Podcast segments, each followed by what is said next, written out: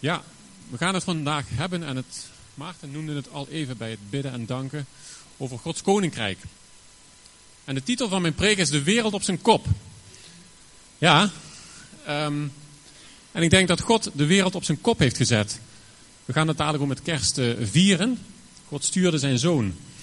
En ik wil met jullie um, dadelijk twee stukjes lezen uit het evangelie van Matthäus. Een stukje uit Matthäus 18 en een stukje uit Matthäus 20. Zal dadelijk op de beamer uh, verschijnen. Dat zijn eigenlijk twee voorbeelden en er zijn er veel meer te noemen. Waarin Jezus de toenmalige tijd al op zijn kop zette.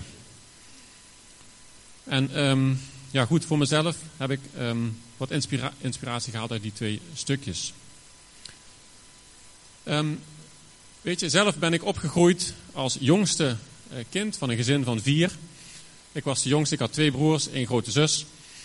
En um, ons motto, als ik daaraan terugdenk, was: Doe maar normaal. Dat was een beetje ons motto in ons gezin. Doe maar normaal. Ben maar gewoon lekker gemiddeld.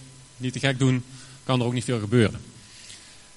Um, gewoon lekker meelopen. Ik functioneerde dan ook meestal op de achtergrond. Een beetje, um, ja, in ieder geval absoluut geen gangmaker. Ook bij de keuzes die gemaakt moesten worden, of als er naar mijn mening gevraagd uh, werd. Um, Linda zegt dat nog wel eens. Dan kreeg ik vaak zo'n boei. Oeh, wat moet ik hiermee? Um, geen idee. Wat, wat, wat wil ik eigenlijk? Wat vind ik eigenlijk? Het was best wel moeilijk. Ik wist niet goed wie ik was. Was het onzekerheid? Was ik bang om te falen? Niet geleerd mijn mening te delen. Niet geleerd wat ik nou echt leuk vond en wat mijn kwaliteiten waren. En ik weet niet hoe dat bij u was vroeger. Toen u kind was, als u daaraan terugdenkt, wat uw worsteling was. Denk er maar eens over na. Ik weet niet of dit um, een algemeen uh, iets is. Die twee verhalen die ik met jullie vandaag wil delen. Um, ja, laten we maar gewoon gaan lezen. Matthäus 18. Staat als het goed is uh, hierachter ook een stukje. Vers 1 tot 4. Zelf even gaan opzoeken. Op dat moment kwamen ook de andere leerlingen bij Jezus. Ze zijn er al bij elkaar. Um, ze vroegen, wie is eigenlijk de belangrijkste in Gods nieuwe wereld? In andere vertaling staat eigenlijk, ja, Gods koninkrijk. Jezus riep een kind bij zich en zette die midden in de groep. Dus er zijn allemaal geleerden, allemaal hooggeleerde um, mensen, iets ouder. En dan vragen ze, wie is nou eigenlijk het belangrijkste in Gods nieuwe wereld? Jezus roept een kind bij zich en zet het midden in de groep. Hij zei, luister goed naar mijn woorden. Jullie moeten veranderen en net zo worden als kinderen. Anders kun je de nieuwe wereld niet binnengaan. Nou, eerste kleine verhaaltje en anekdote uit de Bijbel.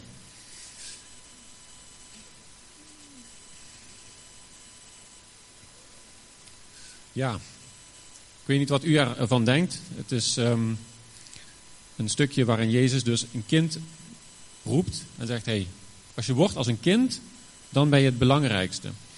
Dus überhaupt wel interessant om te na te denken van waar komt die vraag vandaan? En het, ja, ik denk dat het zo'n vraag kan zijn die we nou ook in onze maatschappij stellen. Wie is nou het belangrijkste? En um, ja, wie verdient wat? Het is de tijd van de beoordelingsgesprekken, in ieder geval bij mij op het werk.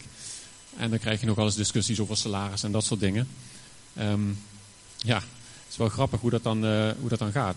Wie is nou het belangrijkste? Wie zou nou het meeste moeten verdienen? Of wat dan ook. Nou, dat zijn discussies die, die aan ons opkomen. We willen graag belangrijk gevonden worden. Waarom wordt deze vraag gesteld? In de loop van de tijd roept je eigen ik om aandacht. Ik had laatst weer inderdaad een beoordelingsgesprek. Toch kijk ik dan elk jaar weer even van tevoren in het formulier. We hebben daar zo'n digitaal systeem voor. En dan ben ik toch wel benieuwd van, hé, hey, wat staat daar? Toch even inloggen en kijken van, hé, hey, wat vindt mijn teamleider eigenlijk van mij? Hoe belangrijk ben ik? En dat is inderdaad heerlijk om te horen als er dan staat van, oh, ja, het is weer gelukt. Er staan weer een paar zevens of achten. Bij ons is de systematiek zo dat een zeven eigenlijk een negen is. Dus um, dan ben ik heel blij met een zeven. Nou, een stukje waardering is wel erg gezond. In dit stukje zegt Jezus, word als de kinderen. Wat betekent dat nu eigenlijk? Verander naar een kind. Nou, op zich kun je over verandering al een hele preek houden. Want verandering is zo ontzettend lastig. Um, als je uh, buiten je automatische piloot dat wat je doet en daar iets, iets anders in moet gaan doen. Dat heeft met je denken te maken, met je motivaties, met, met gedrag. Het is heel lastig om als je iets gewend bent of zo gegroeid is, om dat te gaan veranderen. En dan zegt hij, word als een kind. En ik dacht daarover na, word als een kind. Ja, wat betekent dat eigenlijk, word als een kind? En ik heb daar twee dingen uitgehaald. Eén ehm, is eigenlijk, ehm, ja, ik dacht eerst, uh, wat ik net vertelde over mijn eigen jeugd. Ik was een beetje bangig, een beetje verlegen. En daar moest ik aan denken bij kind zijn. Maar daarna, dacht ik van, wat is een kind nog meer? Een kind is eigenlijk ook heel onbevangen. Een kind is, um, ja, kan echt spelen en, en zich verliezen in de tijd. En een kind is heel erg leergierig. Als ik dan uh, denk aan Bram, die wel eens aan opa Harry wat vragen stelt over treinen. Poeh, ja, hij zucht er nu al bij. Dan gaat dat maar door. Dan ga, en hoe zit dit? En hoe zit dat? En dan komt Harry echt niet weg bij ons uh, thuis. Dus dat is, um, maar dat is ook het mooie aan het kind zijn. Die leergierigheid. En eigenlijk zegt Jezus hier dus, om die nieuwe wereld, Gods koninkrijk, die totaal anders is, met andere principes, om die binnen te gaan, moet je veranderen en worden als een kind. Eigenlijk de status van een kind weer aannemen. En dat is niet zo van, oké, nu ben ik het. Het is een status waarin je er elke dag aan kan werken. Elke dag weer leren. Deze week kreeg ik een stukje doorgestuurd, en ik weet niet of iemand een uitzending van de EO heeft gezien, over iemand die, die, die Talmud aan het vertalen is. Ik weet niet of iemand dat heeft gezien. Um, maar dat is iemand die een Joodse discussie aan het vertalen is. En de Joden, hoe de Joden leren, dat is eigenlijk als volgt. Zij gaan echt discussiëren met elkaar. Dat is eigenlijk um, ja, leren door te discussiëren. En die Nederlandse man, waar een reportage over werd gemaakt van de EO, die was die uh, Talmud, en dat is dus een discussie op papier, die was die aan het vertalen. En ik vond dat wel bijzonder, want die discussie die is nooit af, zoals ze daar in die uitzending zeiden. Het onafgemaakte mag blijven staan. En ze stelden elkaar blijvend vragen, elke dag weer. En dat maakt een tekst die ik nou lees, ja, misschien zoals wij redeneren, oké, en we trekken onze conclusies. Maar wat zij doen, zij gaan die tekst lezen en zij gaan daar bij wijze van spreken een dag over discussiëren. Wat staat daar nu eigenlijk? En zo de rijkdom van Gods woord ook um, ontdekken.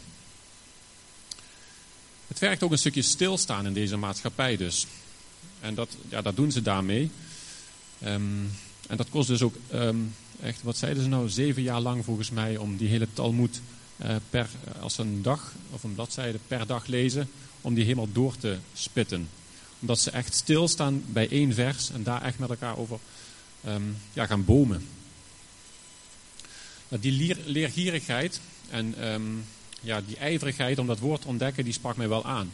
Want ja, dat, uh, dat had ik zelf niet. Ik ben eigenlijk niet zo ijverig om dat helemaal te ontdekken. Ik wil door, door. Ik wil doen, doen. Dat is een beetje mijn karakter.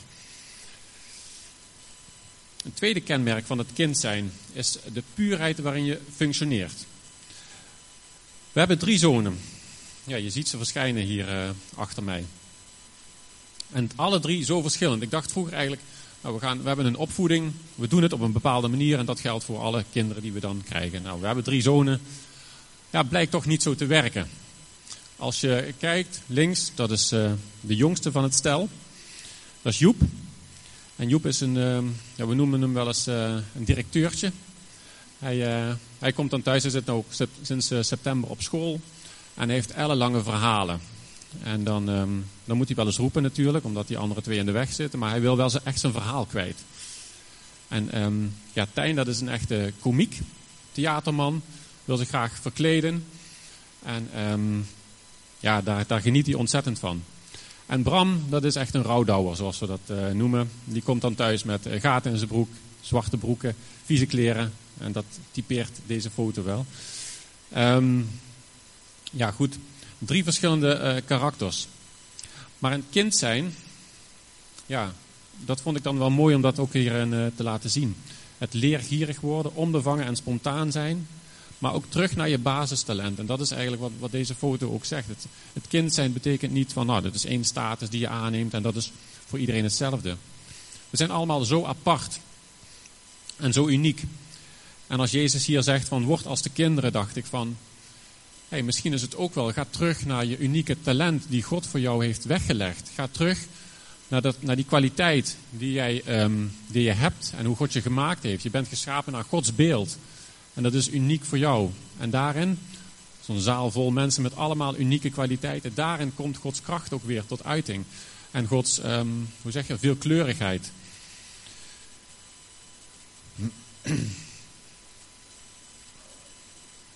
En dat is dan ook de vraag die ik, eh, die ik eh, jou vandaag wil stellen. Lukt het je om vrij uit je kwaliteiten in te zetten? Want het kan zo zijn dat in de loop van je leven ja, die kwaliteiten wat zijn ondergesneeuwd of je aandacht is verlegd naar andere zaken. En het is zo mooi om echt in je, in je kracht en in je talent te functioneren. En wellicht is het nodig om daar eerst wat gedachten voor aan de kant te zetten. Om daaraan toe te komen. Een tip die ik je dan wil geven zijn, of is eigenlijk, uh, ja, praat met iemand. Dat heeft mij in ieder geval erg geholpen. Ik heb wel een aantal weekenden uh, mee mogen maken, waarin ik weer uh, ondersteboven werd gekeerd. En, um, en ook daarna met een coach elke week kon praten over mijn gedachten. Eigenlijk om te komen en om te ontdekken van wie ben ik nu eigenlijk en hoe wil God mij gebruiken. En daar zijn hartstikke veel tools voor. Ook wel boeken die je daarbij kunnen helpen. Om je gaven te ontdekken. Jullie moeten veranderen en net zo worden als de kinderen. Weet je, dan mag je ook fouten maken en leren en ontdekken. Mijn vragen mogen er zijn.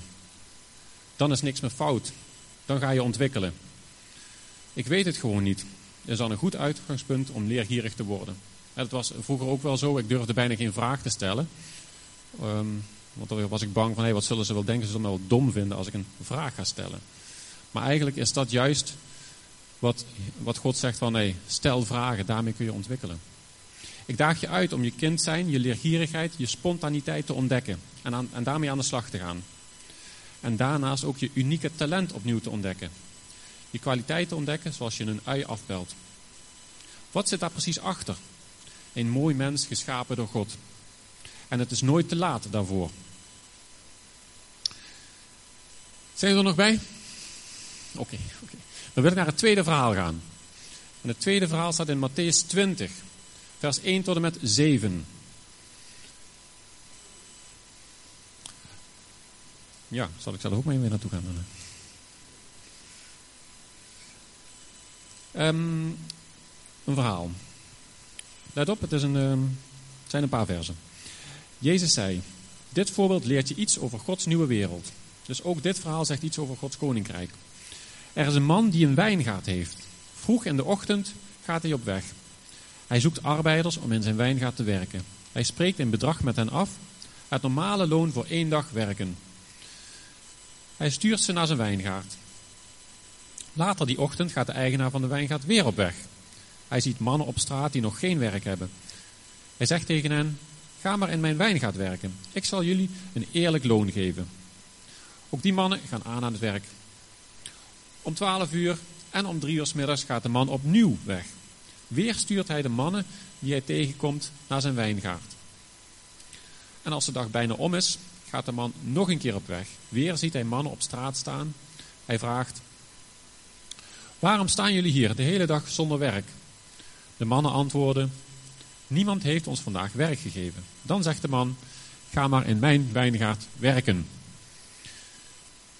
Ja, dat is een stuk. En ik had eigenlijk tot vers 16, maar dan, daar ga ik jullie niet mee vermoeien. Ik zal dat, misschien weet iemand hoe het verhaal afloopt of hoe het verhaal verder gaat. Bijvoorbeeld of iedereen een ander uurloon krijgt. Ik weet niet of het bekend is. Krijgen ze allemaal iets anders? Allemaal hetzelfde. Ja. Is dat niet apart?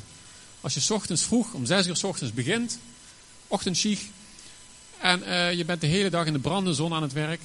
En er zijn mensen die pas om 5 uur starten Misschien net wat opruimen nog. En dan is de dag voorbij. En dan staat er in het verhaal dat diegenen die later kwamen. En die om vijf uur pas starten.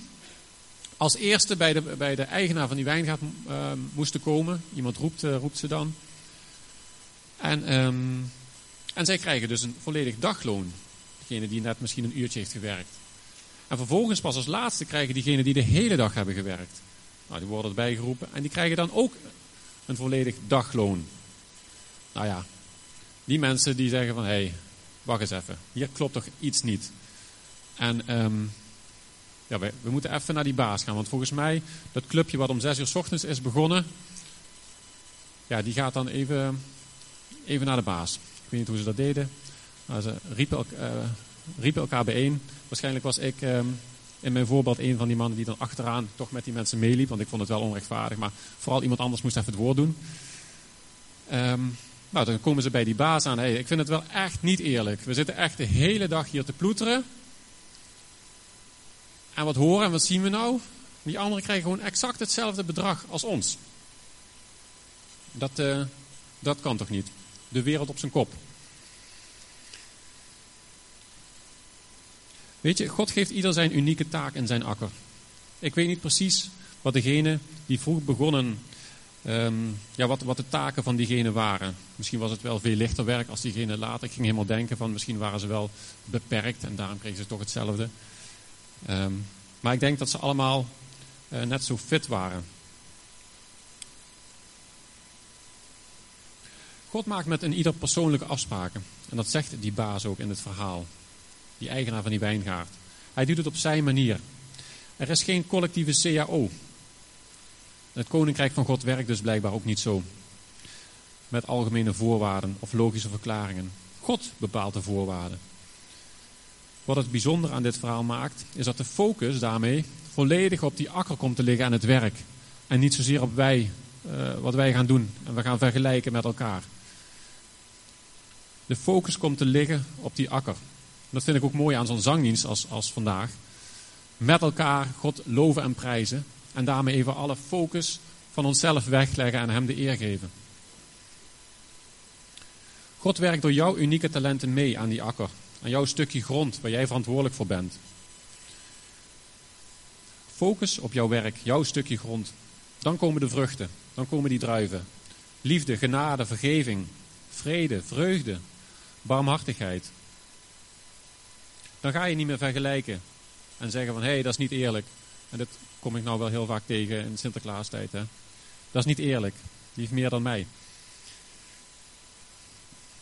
De kern is focus op die akker. En God belooft zelfs in de Bijbel dat al het andere je dan bovendien geschonken wordt. Dat staat in Matthäus 6. Dus als we die focus hebben op God en zijn koninkrijk, dan zorgt hij ook wel voor kleding, voor voedsel en dergelijke. Wandel in zijn unieke bestemming met jouw unieke talenten en kwaliteiten. En als je die ontdekt, ja, dan ga je in je kracht staan en komen ook de vruchten. Hoe zit dat in ons dagelijks leven? Misschien wel op jouw werk. Gaat het daar nog daadwerkelijk om dat, die product of dienst waar je voor staat? Ik moest er ook aan denken. Bij ons, ik werk bij een woningcoöperatie. En soms dan gaat het, of vaak, gaat het om allerlei dingen die eigenlijk niet uh, gaan over waar het over zou moeten gaan. En ik bedoel dit, dat we dan het hebben over uh, systemen, over beslommeringen op het werk, over collega's. En we hebben het dan niet eigenlijk over waar het om zou moeten gaan. En ons motto bij ons is, um, een prettige woning, een prettige leefomgeving, die huurder moet goed kunnen wonen. Dat, dat zou de discussie moeten zijn. Maar vaak gaat het dan toch over wat anders. Procedures, systemen, beslommeringen die intern zijn. Allemaal randvoorwaarden die ondersteunend zijn, maar die niet de focus zouden moeten hebben. Het gaat uiteindelijk om die output, de vrucht, waar je gezamenlijk, ieder voor zijn of haar deel, verantwoordelijk voor bent. Ik ga afronden, want anders moeten jullie betalen voor het parkeren, begreep ik. Ik daag je vandaag uit om niet in de vergelijking te stappen. Niet in de discussie van wat krijgt die ander. Hoe ziet zijn of haar job eruit en hoe lang is hij of zij al bezig? Focus op je eigen stukje arbeid, in zijn akker. Ontwikkel daarin. En ga met volle moed en enthousiasme er tegenaan. Weet je, God die bevestigt jou daar dan ook in. Heb het lef en de moed om jouw unieke talenten te ontwikkelen en te vermeerderen om jouw stukje grond te bewerken, zodat Gods koninkrijk zichtbaar wordt hier op aarde. Dat was eigenlijk ook wat, wat we dadelijk met kerst gaan vieren. Dat Gods koninkrijk zichtbaar wordt hier op aarde door Jezus die gezonden wordt. Ga op zoek naar dat talent uit je jeugd. En misschien betekent dat een hele weg. Misschien betekent dat afpellen, gesprekken en ontdekkingen doen.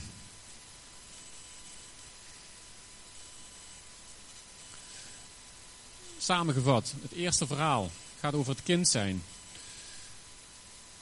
het kind zijn. Wat, wat leer ik daaruit in ieder geval? De leergierigheid van een kind. Het opnieuw onbevangen vragen van, hey, hoe moet ik dit zien? Hoe moet ik dit, ehm, ja, hoe moet ik dat tot mij nemen? En niet meteen zeggen van zwart of wit, dit of dat. Maar ga in gesprek. Het kind zijn betekent ook je eigen unieke ik weer ontdekken. Je talent. Hoe je als kind was. En ik noemde voorbeelden van onze drie zonen, die nu al, waar nu al iets naar boven komt van het talent wat ze hebben. Om die kwaliteit weer te ontdekken zoals God jou bedoeld heeft. Het tweede verhaal gaat over de focus op zijn koninkrijk. Met dat unieke talent mag je werken in zijn akker, in zijn koninkrijk. Als je dat talent ontdekt hebt, mag je jouw stukje grond gaan ontwikkelen. En die druiven zien groeien. En meewerken in zijn, ehm, in zijn akker, in zijn koninkrijk. En dan is de focus niet meer op die ander, maar dan is de focus op jouw talent, jouw ontwikkeling en jouw relatie met God. Weet je, God geeft vandaag aan jou het vertrouwen te werken in die akker. Wil jij opnieuw naar je unieke talenten terugkeren en deze inzetten in zijn akker? Wil jij stoppen met randzaken en weer volledig de focus op hem leggen en zijn vruchten? Door kind te worden en jouw talenten in te zetten? Ja, Gods nieuwe wereld is de wereld op zijn kop. Jezus kwam zonder oordeel naar deze wereld om te dienen. Maar die, die wereld maakt dat we de wereld op zijn kop kunnen zetten. Doe jij mee? Word als de kinderen, verander en ben leergierig en ontdek je talenten zoals die door God gegeven zijn. En ben niet bezig met randzaken met je eigen unieke stuk werk, wat God je heeft gegeven. Daarin mag je volledig ontplooien en meewerken aan de vruchten van Gods nieuwe wereld. We gaan zo nog een lied zingen, begrijp ik. Zo te horen. En um, nou, daarnaast ook uh, mogelijkheid om um, bij een van de twee uh, paaltjes te gaan staan. Zeg ik dat zo goed? Om, um, om daar ook voor te bidden. Als je je unieke talent misschien wat uit het oog verloren bent. Of je zegt ik ben te veel bezig met randzaken en niet meer met de focus op hem. Dan nodig ik je van harte uit om samen met ons te bidden daarvoor. En om de focus op hem te leggen. Dat gaan we zo, zo doen als uh, Rijn dadelijk de dienst heeft afgesloten. Dan wil ik je echt uitnodigen om daarmee aan de slag te gaan. We kunnen daar vandaag een kort gesprek over hebben, maar ga daar vooral ook na vandaag mee aan de slag en mee door. Dus daarmee, daarmee eh, wil ik jullie bemoedigen. Daarmee wil ik je de komende week ja, die gedachten um, ja, tot je door laten dringen. En misschien nog eens over door te praten, door te malen. Net als die mensen uit de, de Joodse geleerden die dat in het Talmud doen, wil ik ook jullie uitnodigen om daarover in gesprek te gaan met elkaar. Om daarvoor de tijd te nemen en daarbij stil te staan.